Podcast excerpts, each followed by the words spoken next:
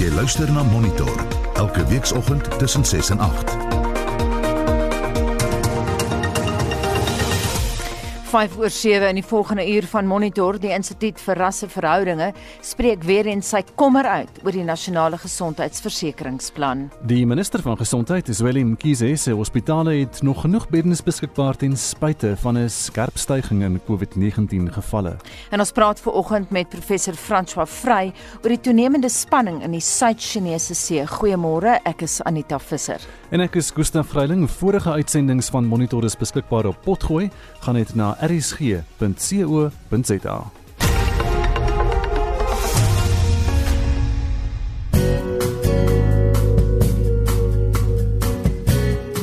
Die weer vir vandag die 15de Julie is uitgereik deur die Suid-Afrikaanse Weerdiens. Daar is 'n waarskuwing toestande bevorderlik vir die ontstaan van weggolfveldbrande word verwag in die Rigtersveld en Namakwa streke in die Noord-Kaap. En dan raadgewend hewige ryp word verwag in die Vrystaat, sentrale en die westelike dele van die Noordwes-provinsie, die oostelike dele van die Noord-Kaap, asook die noordelike binneland van die Oos-Kaap vanoggend en môreoggend.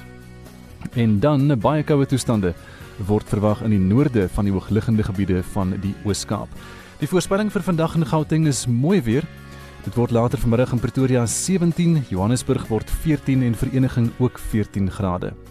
In die Laagveld bewolk met oggendmis, andersins gedeeltelik bewolk. Mbombela word 16 vandag en in Limpopo word Polokwane ook 16 grade.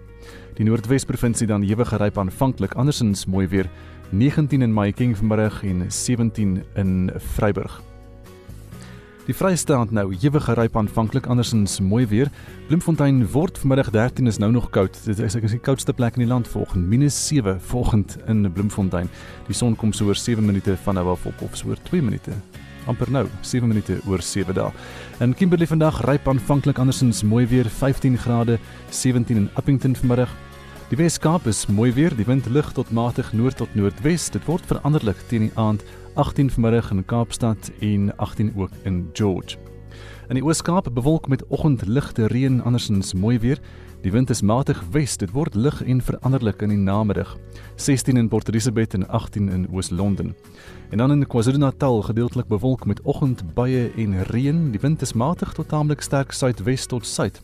15 in Durban, nee, dis 18 in Durban, 18 in Richards Bay ook en 16 in Pietermaritzburg waar dit net gedeeltelik bewolk sal wees. En dis die weer vir vandag uitgereik deur die Suid-Afrikaanse Weerdiens. Vir nog inligting kan jy gaan na hulle webwerf weathersa.co.za. En nou die finansiële aanwysers op moneyweb.co.za is slegter dag op die aandelebeurs in Johannesburg gistermiddag. Die JSE se indeks van alle aandele het met 1,19% in die rooi gesluit op 55531 punte. Dis aangedryf veral deur die nywerheidsindeks 1,81% laer die finansiële indeks 1,64% laer en die Hulbron indeks so 0,2% laer. Die enigste een wat gestyg het was die goudmyn indeks 0,39% laer. Gepraat van goud, die kommoditeitspryse, goud staan nou op 1806 dollar en 47 sent per fyn ons. Ek sien hulle sê die vraag uh, na kreer rande is aan die opgaan alweer. Platinum 840 dollar en 40 sent per fyn ons en Brent olie vanoggend op 43 dollar en 12 sent per vat. Die wisselkoerse nou, die rand teen die Amerikaanse dollar R16 en 71 sent, 'n euro kos R19 en 4 sent en 'n Britse pond vanoggend net mooi R21. En dis die finansiële aanwysers op monitor.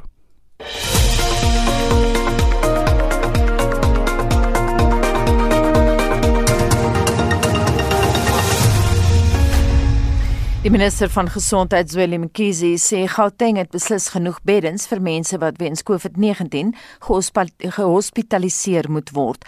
Hy is egter bekommerd daaroor dat die opnameproses vertraag word wanneer moontlike pasiënte gekeer word vir toetsing. Die minister het die Dr George Mukari Akademiese Hospitaal die Pretoria besoek om vas te stel of die hospitaal gereed is vir die skerp toename in COVID-19 gevalle in die provinsie.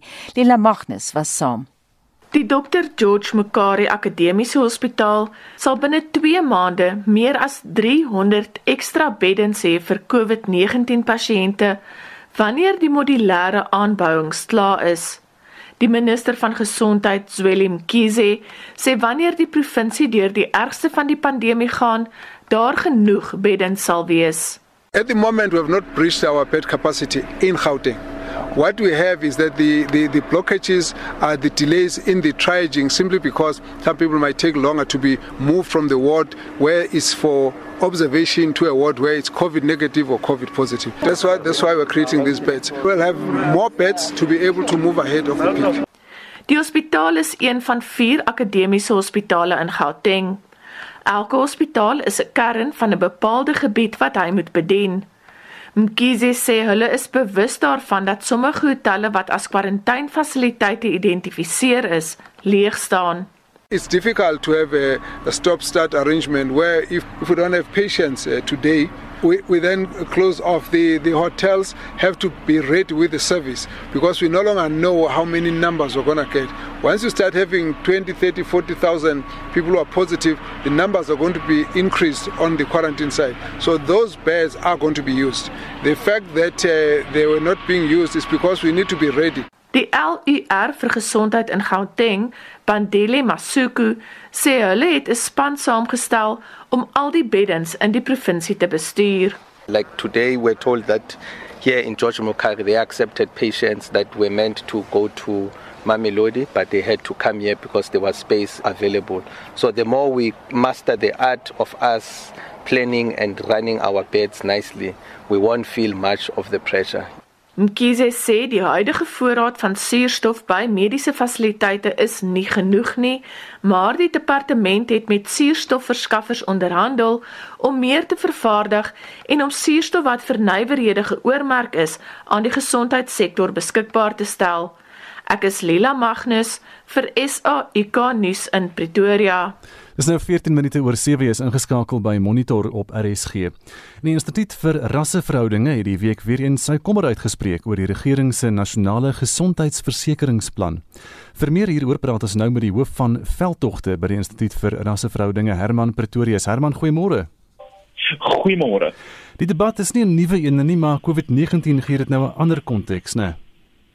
Ja, nee, en uh, ek dink wat dit ook 'n uh, nuwe konteks gee is uh, president Ramaphosa se opmerkings Sondag aand, uh, waar hy hierdie uh, krisis as dit ware op 'n vreemde manier polities en ideologies gebruik het om vir Suid-Afrikaners te sê, um, nou is die tyd om hierdie baie sterk um, ideologies gedrewe beleid van die regering te ondersteun. Hy het dit natuurlik nie so verwoord nie, maar ehm um, uh, deur die krisis uh, te beskryf in baie baie drastiese terme het hy ook gesê dat nou is die tyd om die uh fondasies te lê vir die nasionale uh gesondheidsversekeringsskema. Um so asof dit 'n oplossing sal wees vir al die probleme wat ons sien in ons gesondheidstelsel en ek dink daar is baie baie redes om baie baie skepties te wees oor die president se implikasies wat hy daar skep. Ons sal nou by jou skeptiese redes uitkom, maar selfs voor Covid het die gesondheidstelsel in Suid-Afrika nie gewerk nie. Nou soos wat ons veral hierdie week op monitor gehoor het, het die pandemie die foutlyne uitgewys. Watter kans Herman staan Suid-Afrika om die nasionale gesondheidsversekeringsplan in te werk en watter kans staan ons om dit hier in Suid-Afrika te laat werk?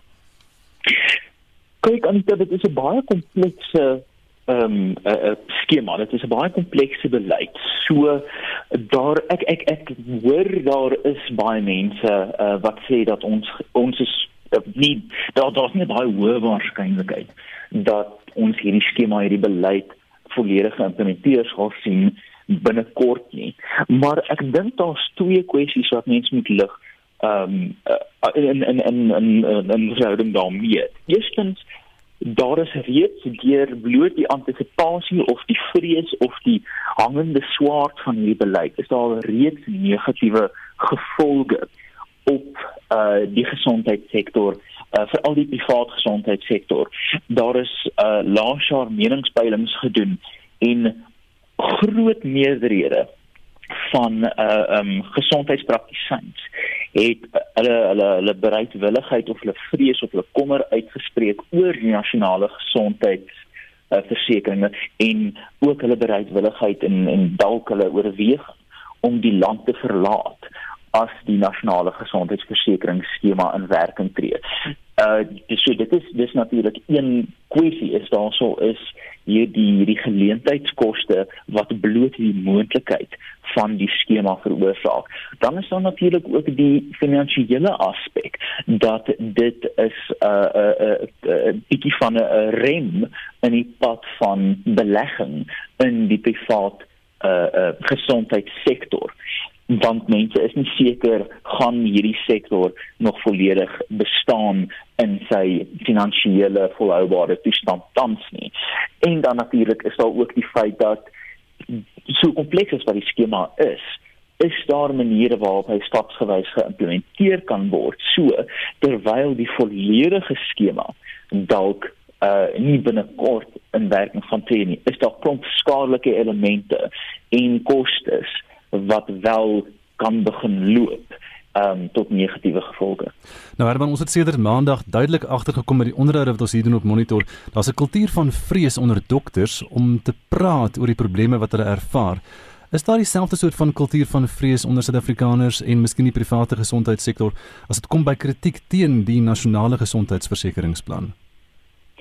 Weet jy, ons het 'n soortgelyke ding agtergekom al sedert ehm um, omtrent Oktober laas jaar dat daar so is 'n vreemde uh, veral onder mediese praktisyns is daar hierdie hierdie on, uh, onbereidwilligheid om 'n uh, uh, um, publiek sterk standpunt in te neem teen die skema as gevolg van die risiko's wat dit natuurlik vir vir dokters en verpleegsters inhou om so direk teen uh, die regering se hoofbeleid in 'n spesifieke area uh, uh, kopsie te maak.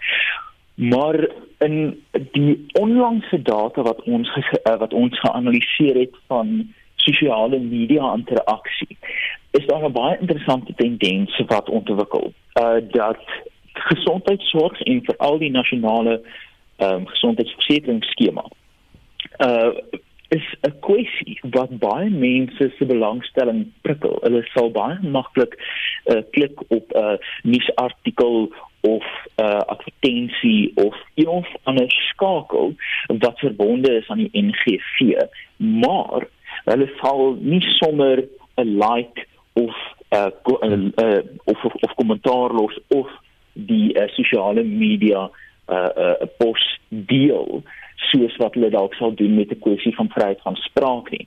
En dit is vir ons 'n sterk aanduiding dat hoewel daar hoë belangstelling en hoë kommer is, is daar 'n skaamte faktor as dit kom by die NGV. En mense kan dit op 'n manier verstaan. Die NGV word verkoop deur uh die regering en en ons sien dit weer Sondag aand as hierdie geneesmiddels, alom geneesmiddels vir alles wat fout is in uh, Suid-Afrika se gesondheidsdienste. So as jy as Suid-Afrikaner dan sê weet jy ek is nie heeltemal in guns hiervan nie, is die uh, maak jy jouself baie kwesbaar vir die aanval wat sê o, so jy wil nie arm Suid-Afrikaners moet gesondheidsorg hê nie. En dit is dit omdat daai die die hoek is wat die regering gebruik om die kwessie te verkoop, is mense bekommerd oor die skema maar dis moeilik om dit te opneem as jy 'n privaat burger is want jy maak jouself ook vir sosiale kostes wat jy dalk nie wil betaal nie. Dis op 'n vreemde manier soortgelyk aan grondonteiening sonder vergoeding waar die aanpassing maklik gemaak word as jy sê jy is daarteen hmm. dat jy sê o, so die ongeregtighede van uh eiendoms uh um probleme uit die uh, uit die apartheid jare moenie reggestel word nie. So hmm. ons ons stel definitief so skaamte faktor op. Ons praat vanoggend met die hoof van veldtogte by die Instituut vir Rasseverhoudinge Herman Pretorius. Herman, julle sê in julle media verklaring van gister en ek al aan, the NHI is not a cure all. In fact, it's likely to be worse than the disease it's trying to cure. Jy het nou net verwys na jou skeptisisme, wil jy 'n bietjie uitbrei oor daardie punt wat gemaak is in julle media verklaring van gister?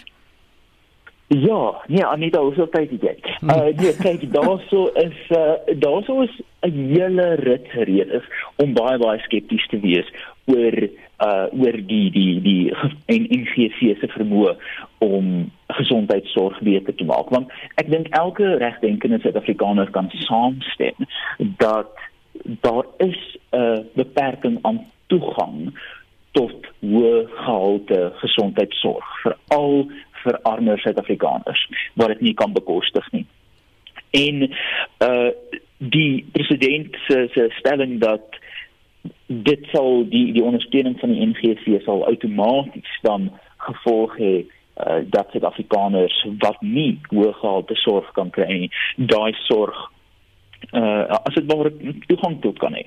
Nou die probleem is daar's is as as mens op die eerste plek begin kyk na die loodsprojekte van die NGV dan is dit baie baie kommerwekkende leesstof.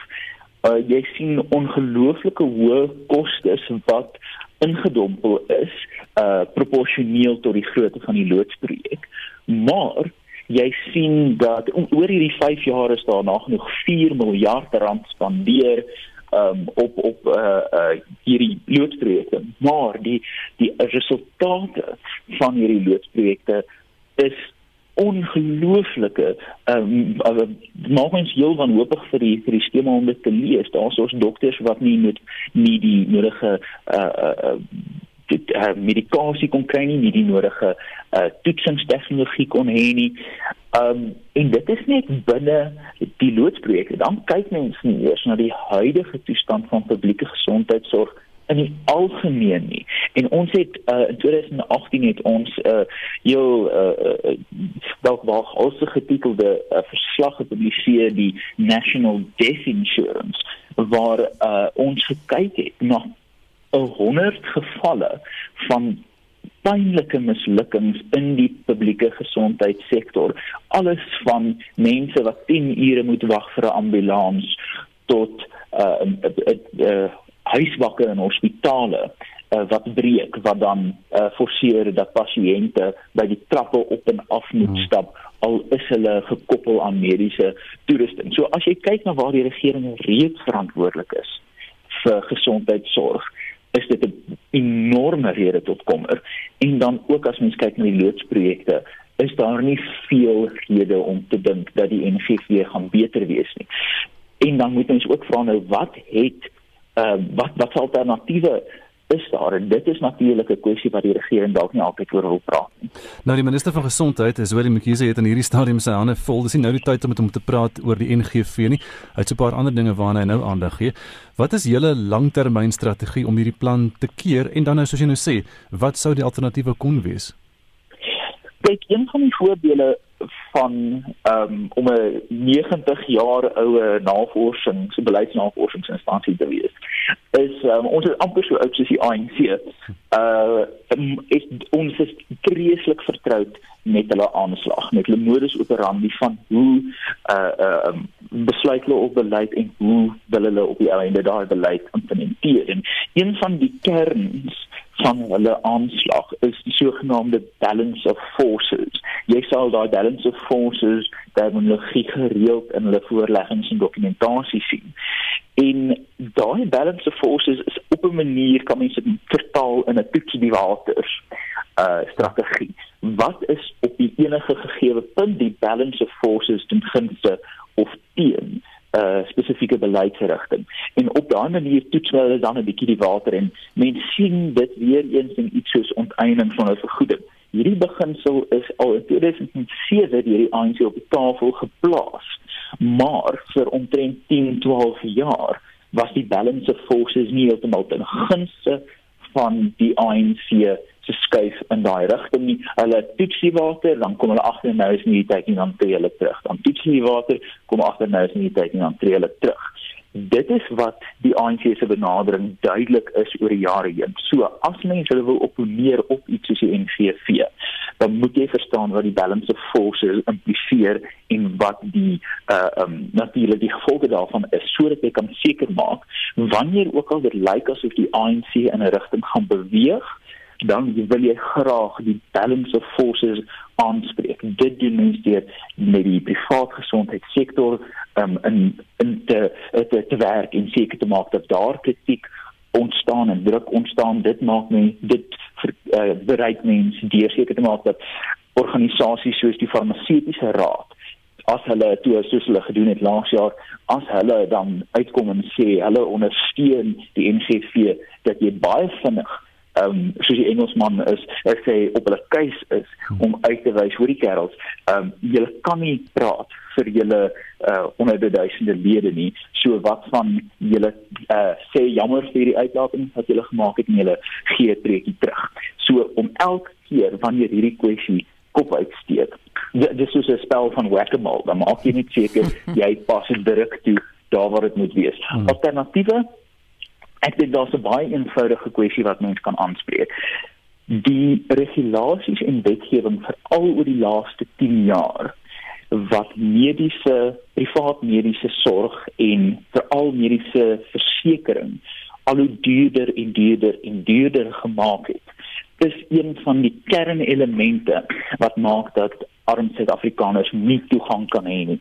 Daar was 10, 15 jaar gelede, uh, gelede was daar uh, sprake van van hierdie private organisasies om saam te werk om 140 of 200 rand per maand se pakket te skep vir mediese versekeringsdekking. Die probleem is sulke projekte word in die wiele gery en is destyds in die wiele gery die regeringsregulasies wat vereis dat sekere lyste van uh, faktore almal gedek moet word deur enige gegee plan.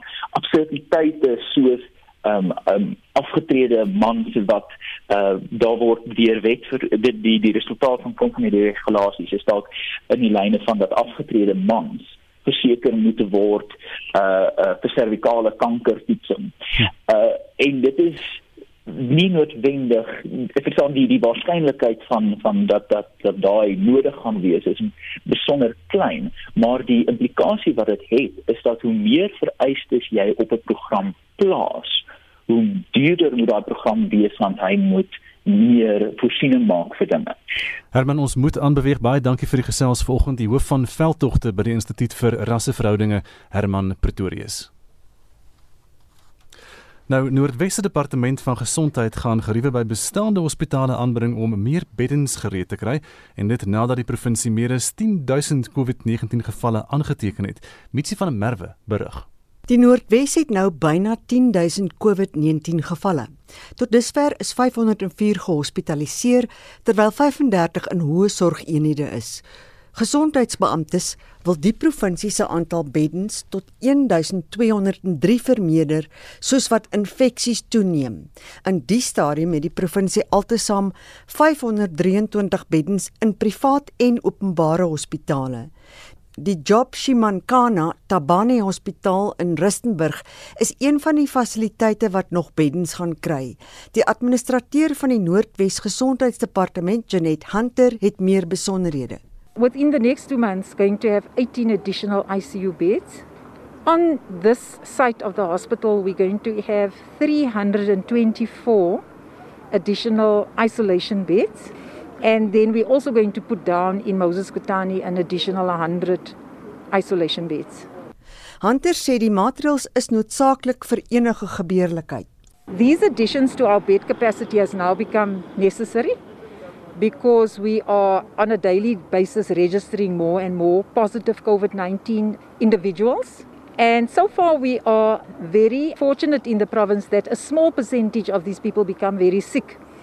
Most of our beds are taken up by persons who are positive but asymptomatic. So we really really need more and more isolation beds and quarantine beds. Maar amptenare waarsku teen die ergste moontlikheid sou mense hulle self nie genoeg beskerm nie. Hunter gee meer besonderhede. If South Africans do not heed to the call to stay safe and keep themselves COVID free, we will run out of beds. South Africans need to follow the prevention messages. Selwyn Kakao het hierdie verslag in Rustenburg saamgestel. Mitsi van der Merwe, SAK nuus. Jy luister na Monitor elke weekoggend tussen 6 en 8. Sopas half 8 gewees en in die nuus die minister van basiese onderwys, Angie Motshekga, vergader vandag met vakbonde oor die heropening van skole in die lig van die verwagte kruin van COVID-19. Die regering sê hospitale het nog genoeg beddens beskikbaar vir mense wat weens COVID-19 gehospitaliseer moet word. En nuwe navorsing voorspel dat die wêreld se bevolking teen die einde van die eeu tot 9 miljard sal vermeerder. Bly ingeskakel. Dit is vir RSG altyd 'n groot voorreg om Sondagoggende verjaarsdagboodskappe uit te saai aan diegene van 90 jaar en ouer. Die boodskappe wat ons elke week kry, het egter so baie geraak dat ons ander reënings sal moet tref. Gelukwense kan steeds ingestuur word, maar hier is die nuwe reëlings. Slegs boodskappe van individue, familie of naaste vriende sal hanteer word. Geen boodskappe van organisasies of beheerliggaam sal geakkommodeer kan word nie. Op so 'n manier hoop ons dat ons vorentoe alle gelukwense sal kan uitsaai. Die afsnytyd is Woensdae 4:00 die middag vir die daaropvolgende Sondag. En die enigste adres waarna toe dit gestuur moet word is per e-pos na info@rsg.co.za. Geen fakse of geskandeerde briewe sal ontvang kan word nie. Baie dankie vir julle begrip. Geen verkeer. In hierdie stadium in Midrand 'n vragmotor wat sy vrag sement verloor het op Olifantsfonteinweg uh, in 'n oostelike rigting naby die N1 wisselaar so 10 minute vertraging in daardie omgewing. Die Bakwena N1 N4 tolpad, daar is 'n uh, baan gesluit by die N4 Oos tussen Doornpoort Tolplaza en Kameeldrift as gevolg van 'n voertuig wat staan in daardie omgewing. In KwaZulu-Natal, 'n voertuig staan op die N3 ooswaarts na die Ashburton wisselaar, die linkerbaan daar is versper. In Kaapstad, 'n voertuig staan op die N2 inwaarts by Mowbray Hoofweg, 'n noodbaan is versper. In die Vrystaat en Bloemfontein, o, dit sê nie dis baie koud, ja. Dit is baie koud, -7 gewees vanoggend. En dan kyk ons na 'n kettingbotsing op die N12 ooswaarts na Tom Jones weg. Die linkerbaan is versper, wees maar versigtig daar. In Benoni was daar 'n ongeluk op die N12 Wes net voor die Snykeweg afrit. Verwag vertragings in daardie omgewing. As jy weet van enigiets anders, kan jy vir ons 'n SMS aanstuur na 45889 en dit kos R1.50. Gustav, daai minus 7 is Bloemfontein? Dis Bloemfontein vanoggend gewees en is nou nog waarskynlik in die minusse. Ek wil ook vra my ou tuisdorp Belfast in Mpumalanga, dis altyd een van die koudste dorpe in die land gewees. Laat vir ons bietjie weet hoe koud is dit daar by julle Belfasters. Tussentyd gaan ons oor na Vincent toe. Wat sê die SMS'e in die terugvoer? As jy daar Vincent? Kom ons hoor gou ons ek is hier so ons het lekker stemnotas gekry met lekker raad vir die koue. Kom ons luister gou wat sê ons luisteraars. Maak vanmôre 'n botteltjie vol warm water. Kyk iemand wat koud kry daar langs die pad, gee hom vir hom. Môre julle, dis brrr koud in Pakkelsdorp, George. Gestaan ek som onder vier komberse geslaap, waterbottel warm gemaak, lekker kaggelvuurtjie, Milo gemaak en dan soos my yver away. Uh, dankie vir 'n pragtige program, Gregory Noble van Pakkelsdorp. Patrickie so, ja, dit is lekker koud teen van 'n bel en ek by die werk, ja, dis lekker koud teen van 'n bel. Is my van Aberdeen, dis bitter bitter koud, dit gewys minus 3 vanmôre maar my badkamer, my toiletpot, se pype is alles gevries. So jy kan verstaan as dit gevries is, hoe koud dit werklik is. 'n Lekker pot warm sop en 'n roosterkoek op die kolle gebrei is net die regte medisyne vir so 'n koue dag. Vincent, is jy daar? Dit lyk dit lyk nie vir ons wins dit nou daar het nie, maar interessant dat mense ons so honger maak vir oggend met die sop. die sop en die dinge. en net wat die sherry met die naaltjie in. Die naaltjie met die sherry ja. of die ram, as jy ram het. Ja. Wat ek nie het nie. Dis nou 25 minute voor 8 en opruimingsoperasies is gister in verskeie gemeenskappe in die Wes-Kaap gedoen na die ewige storm van in die afgelope week. Baie mense in lagliggende gebiede is oorspoel en met sterk wind getref. Kobben August doen verslag. Die 70-jarige Tandeka Tunyiswa is 'n inwoner van Kanana in Gugulethu op die Kaapse vlakte wat behoorlik nat geword het in die storm. Die pensionaris sê die weer benadeel haar jaar na jaar en vererger haar hoë bloedsuiker en jeug. Sy word wakker in water, gaan slaap in water en moet dan nog toilet toe ook sukkel in die water. Oh, sometimes I run to stay to my relative like this one. Sometimes I'm sleeping yeah to my neighbors because I I can't do otherwise. It's not, not even no right to walk because you see now I can walk for 'n Gemeenskapsleier in die gebied, Nombeko Leputeng, sê die omstandighede pla hulle baie. The water are inside the houses. All people are staying in water, but we are fighting the COVID 19 pandemic. We are going to get more infections because it's cold. That's my worry. Die humanitêre organisasie Gift of the Givers het noodsaaklikhede soos maskers, seep, matrasse en kos aan die gemeenskap afgelewer. Die woordvoerder van Gift of the Givers, Ali Sabley, sê hulle word oorval met versoeke om hulp na die storm.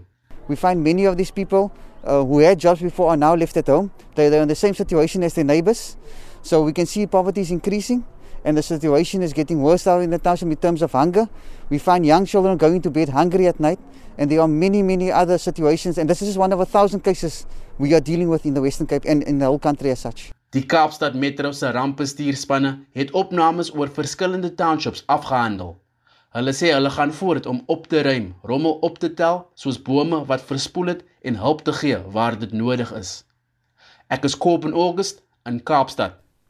7:37 gewoonlik hierdie tyd van die dag kyk ons na internasionale nuusgebeure en ons begin in Washington. Die Amerikaanse president Donald Trump sê hy het voorkeurbehandeling vir Hong Kong beëindig en Justin het vir ons die agtergrond daar.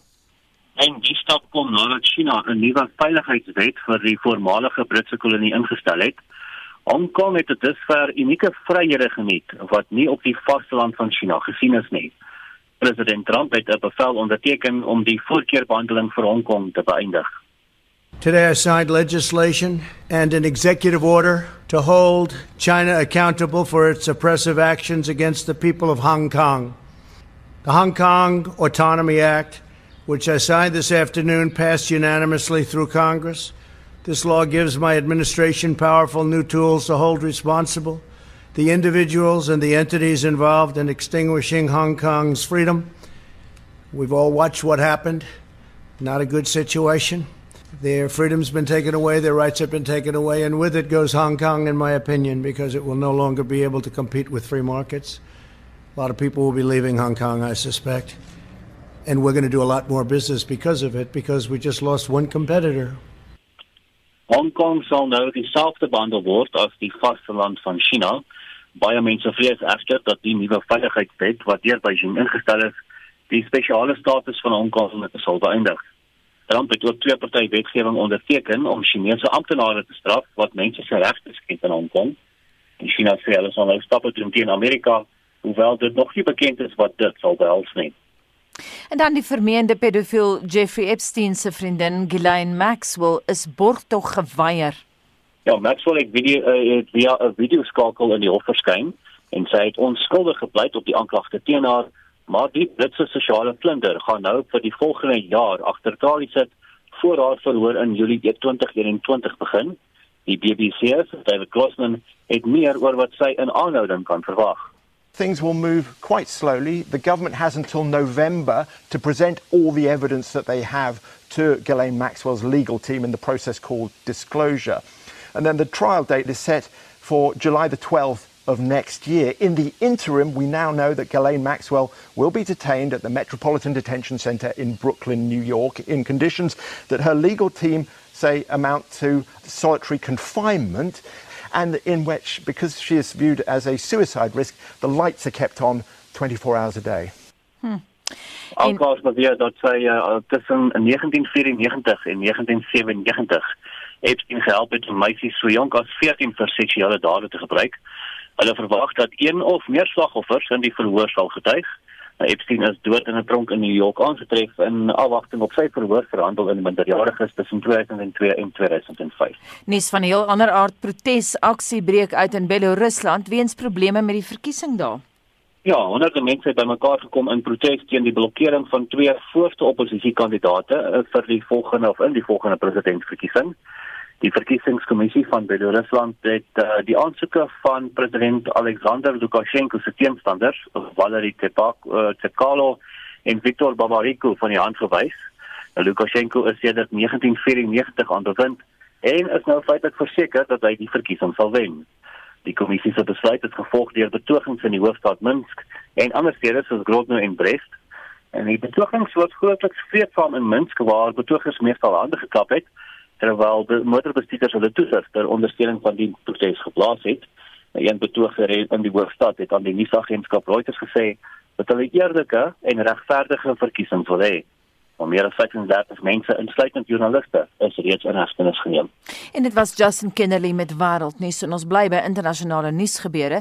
Die Trump-administrasie het verlede week vliegtuigskepe in die Suid-Chinese See ontplooi en dit opgevolg met 'n vlootoefening op dieselfde tyd dat die Chinese vloot in die gebied besig was met hulle eie vlootoefeninge. Dit te midde van president Donald Trump se dreigement om 40 jaar van wat hy beskryf as beleidsmislukking in China te verander. Vir meer oor die implikasies van die toenemende spanning in die Suid-Chinese See, praat ons nou met professor François Vrey van die Universiteit Stellenbosch se Veiligheidsinstituut vir Regeringskunde in Afrika. Dis 'n mondvol. Goeiemôre François. Môre Anita en ook aan die luisteraars. Ons het nou in die inleiding verwys na die spanning tussen die FSA en China, François, maar daar's heel party ander moonthede in die streek wat geopolitiese belange in die Suid-Chinese See het, of hoe?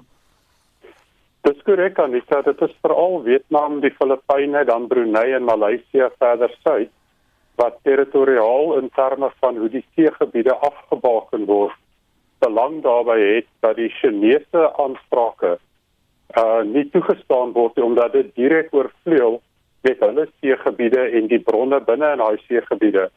Uh veral vir Taiwan en dan vir Japan het hulle nie so seer die territoriale aansprake nie, maar hulle uh, ekonomiese lyne van kommunikasie waarlangs hulle handel en energie moet vloei, moet deur hierdie seegebied vloei en as die Chinese dit domineer, is dit uiteraard vir hulle problematies. Mhm. Mm 4 jaar gelede het die internasionale geregshof in Den Haag al beslis dat China se territoriale eise in die Suid-Chinese See geen water dra nie. Hoekom ignoreer China die beslissing? Uh, Anita, eerstens die permanente hof vir arbitrasie in Den Haag is eintlik die internasionaal erkende entiteit wat hierdie tipe van verskille moet besluit. En hulle het in die guns van die Filippyne besluit dat hulle saak na hierdie hof toe geneem het. Nou, ehm um, China is 'n ondertekenaar van hierdie hierdie tribunaal, maar as 'n mens gaan kyk op 'n kaart hoe lê die Chinese eise oor daai hele seegebied, ehm um, dan kan 'n mens verstaan dat hulle nie baie gelukkig is met hierdie hofuitspraak nie. Hulle wil eerder hê dat hierdie twispunte bilateraal tussen lande in die streek en dan met regionale organisasies uitgesorteer word. Maar dan moet ons verstaan dat hulle geweldig dominant is en teen teen 'n groter hefboom het in die beslissings as hulle dit regkry dat dit meer plaaslik besleg word. Op die oomblik moet ons egter verstaan dat hulle skep infrastruktuur op van hierdie eilande en rivier wat bo kan die water uitsteek. Hulle stel hulle bou goeie verdedigingsinstallasies daar en dit het alles ten doel om die UNCLOS, die wet van die see se interpretasie oor hierdie sake te beïnvloed. So hulle is op die oomblik daarmee besig om te sê hulle onderhandel, maar eintlik ignoreer hulle hierdie hofuitspraak omdat dit pas hulle nie. Mhm. Mm Francois, ek het 10 jaar gelede onderhoud met die destydse Japaneese ambassadeur in Pretoria gevoer oor die stryd in die Suid-Chinese See. Dit was toe al 'n probleem. Dit was spesifiek op daardie tyd gewees en dit is steeds die Senkaku-eiland dispuut tussen Japan, China en Taiwan. So dit gaan oor allerlei dispute wat al baie baie lank voortduur, Francois. Uh, jy is korrek, die die Japaneese eise lê bietjie verder noord Maar as ons hierna kyk, is dit 'n geval dat die oor die ekonomiese lewenslyn van die Japaneese wat deur hierdie gebied loop, veral hulle vloei van hulle energiebronne uit die Midde-Ooste uit.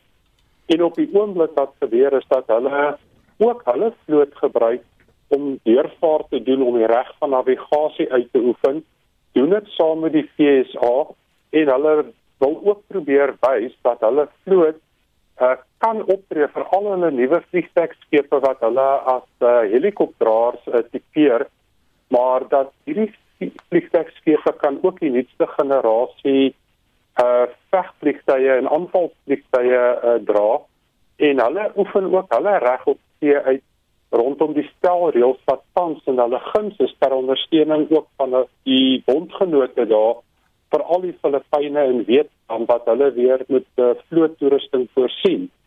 So dit is vir die Chinese uh, ook 'n kwessie alhoewel hulle belange bietjie verder noord lê. Net laasens François, hoe dink jy gaan die geskille hulle uitspeel?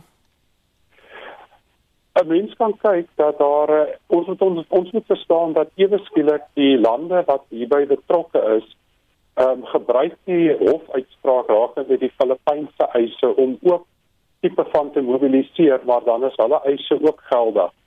So ons kan kyk na bilaterale en regionale gesprekvoering wat voortgaan waar ASEAN die streeksorganisasie sterker staan of na konfrontasie en ek het hier die Engels daarvoor af die Afrikaans die brinkmanship wie hier is want tans is daar voortdurend kleiner skermutselinge aan die gang tussen kuswagte maritieme milisias oor ekonomiese aktiwiteite wat rondom visserye gaan die energiebronne wat daar is infrastruktuur wat opgerig word om dit te uh, ontgin. So dit dit is of hierdie geskille word uh, meer bilateraal het of jy kry eskalerende konfrontasie. En ons moet onthou dat dit is nie net beperk tot die see nie want as jy eise op see gehandhaaf word dan beheer jy die lugruim bo die see ook en ons sien van tyd tot tyd dat daar ook in die lugruim tipe van kleiner skermutselinge en konfrontasies is. So 'n mens kyk na hierdie twee lyne en dit gaan veral natuurlik beïnvloed word deur die standpunte tussen die VSA en China die FSA is die tanende globale moondheid en dan natuurlik die Chinese as die opkomende moondheid en in albei gevalle plaas hulle geweldige klem op die beheer van die see en by wyse van hulle vlote. Baie dankie en so sê professor François Vrey van die Universiteit Stellenbosch se Veiligheidsinstituut vir Regeringskunde in Afrika. Dis nou 12 minute voor 8, jy is ingeskakel hier by Monitor op RSG en Julie is spaarmaand. Baie mense voel soms as dalk nie die moeite werd om te spaar nie omdat die belastinggaarder uh, sy hand ook daarop gaan wil lê. Maar die belastingkonsultant van Mazars, Tertius Troost, sê dis nie verkeerde ingesteldheid om so daaroor te dink. Dis volgens hom altyd belangrik om te spaar vir lang en korttermyndoelwitte. Ek dink dit is baie belangrik dat mense die verskil weet want dit hang af of mens spaar vir die korttermyn of vir die langtermyn. En daarmee bedoel ek spaar jy vir iets soos 'n nuwe kar of 'n Desember vakansie of 'n reis oor see of spaar jy nou eintlik vir eendag vir jou aftrede. En die tipe produkte waarin jy gaan belê of spaar hang eintlik af waarvoor jy spaar. Goed, sê nou ek spaar vir korttermyn soos wat jy gesê het of ek eh, probeer vinniger uit my skuld uitkom want dit is tog ook 'n manier van spaar deur miskien jou verband af te betaal of meer op jou verband af te betaal of ander skuld is dit spaar Nee, definitief. Hoe vinniger jy skuld afbetaal is een van die beste maniere om eintlik te spaar, want die prys amper ek sê van skuld is, is ongelooflik duur.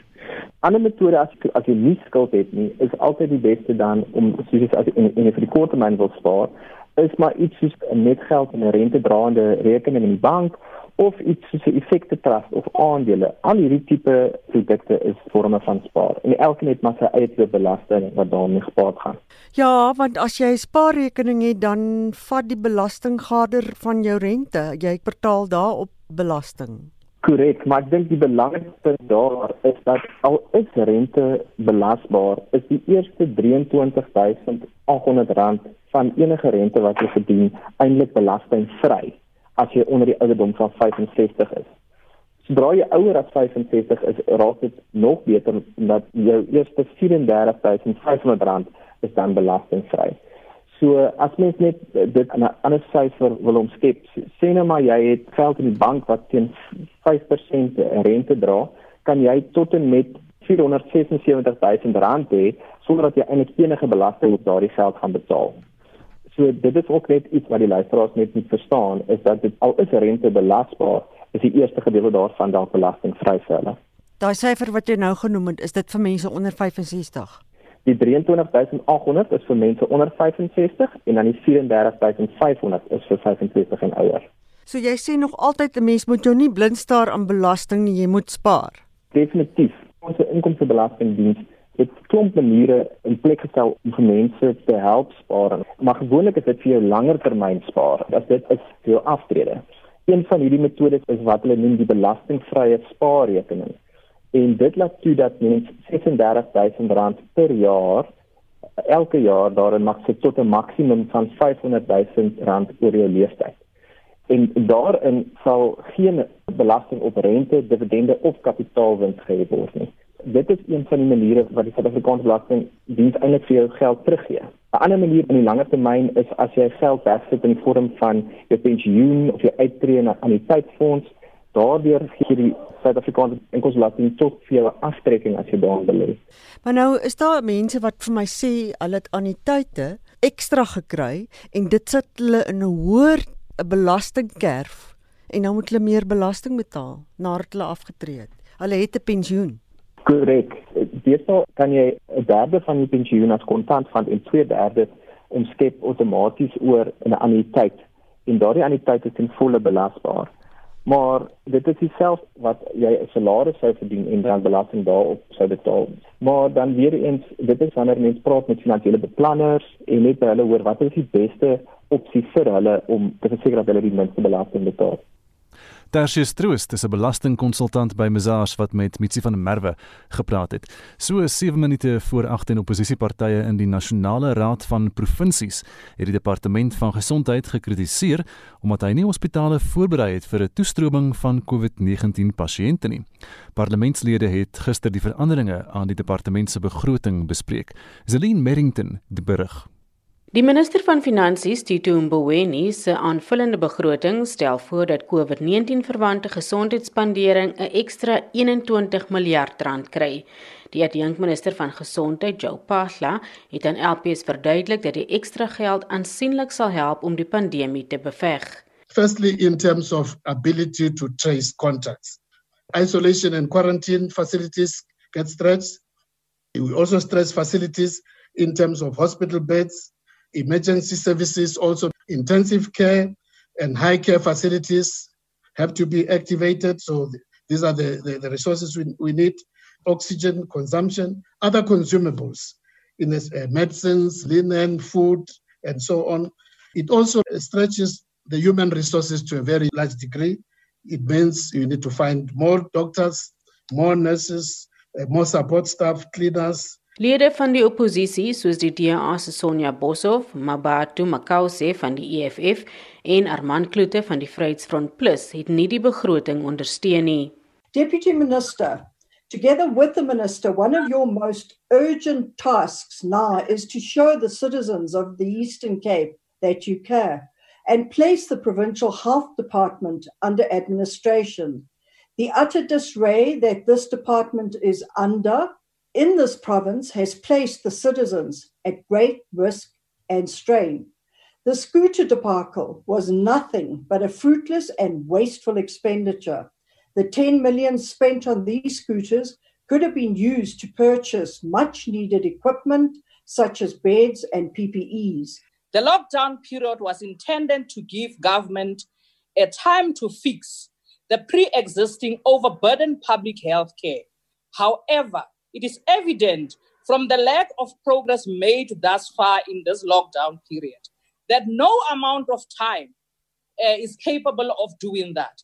Currently, our healthcare workers are still grappling with maladministration, issues such as being under resourced, understaffed, with lack of protective uh, clothing at their disposal. 110 days into lockdown. The department has nothing but abused taxpayers' money for 26 years, and we now see the slow and painful death and final nail in the coffin of our healthcare system. This is evident in the 10 million rand that was effectively wasted in the Eastern Cape with the recent so-called motorcycle ambulances that now appears to be another failure. Maar die Oos-Kaapse Gesondheids-LER Sindiswa Gomba het die gebruik van die bromponies verdedig. Some believe the scooter project is a wasteful expenditure, which exposes at the same time their well, ignorance, and that the Eastern Cape was bold enough to implement this intervention has bothered others. We can be held, but we won't be deterred. we shall yes. still continue. That our uh, people will not be dragged yo. in wheelbarrows. If you want to believe that wheelbarrows are the ideal transport for them, gone are those days and the scooters are still going to work. Dit was die Oos-Kaapse Gesondheids-LER Sindiswa Gomba, Zelene Merrington, Parlement. Ons groet namens ons waarnemende uitvoerende regisseur Hendrik Martin, die redakteur volgend was Jean Esterhuizen en produksieregisseur Lewona Bekes. Ek is Gustaf Greiling en my naam is Anita Visser.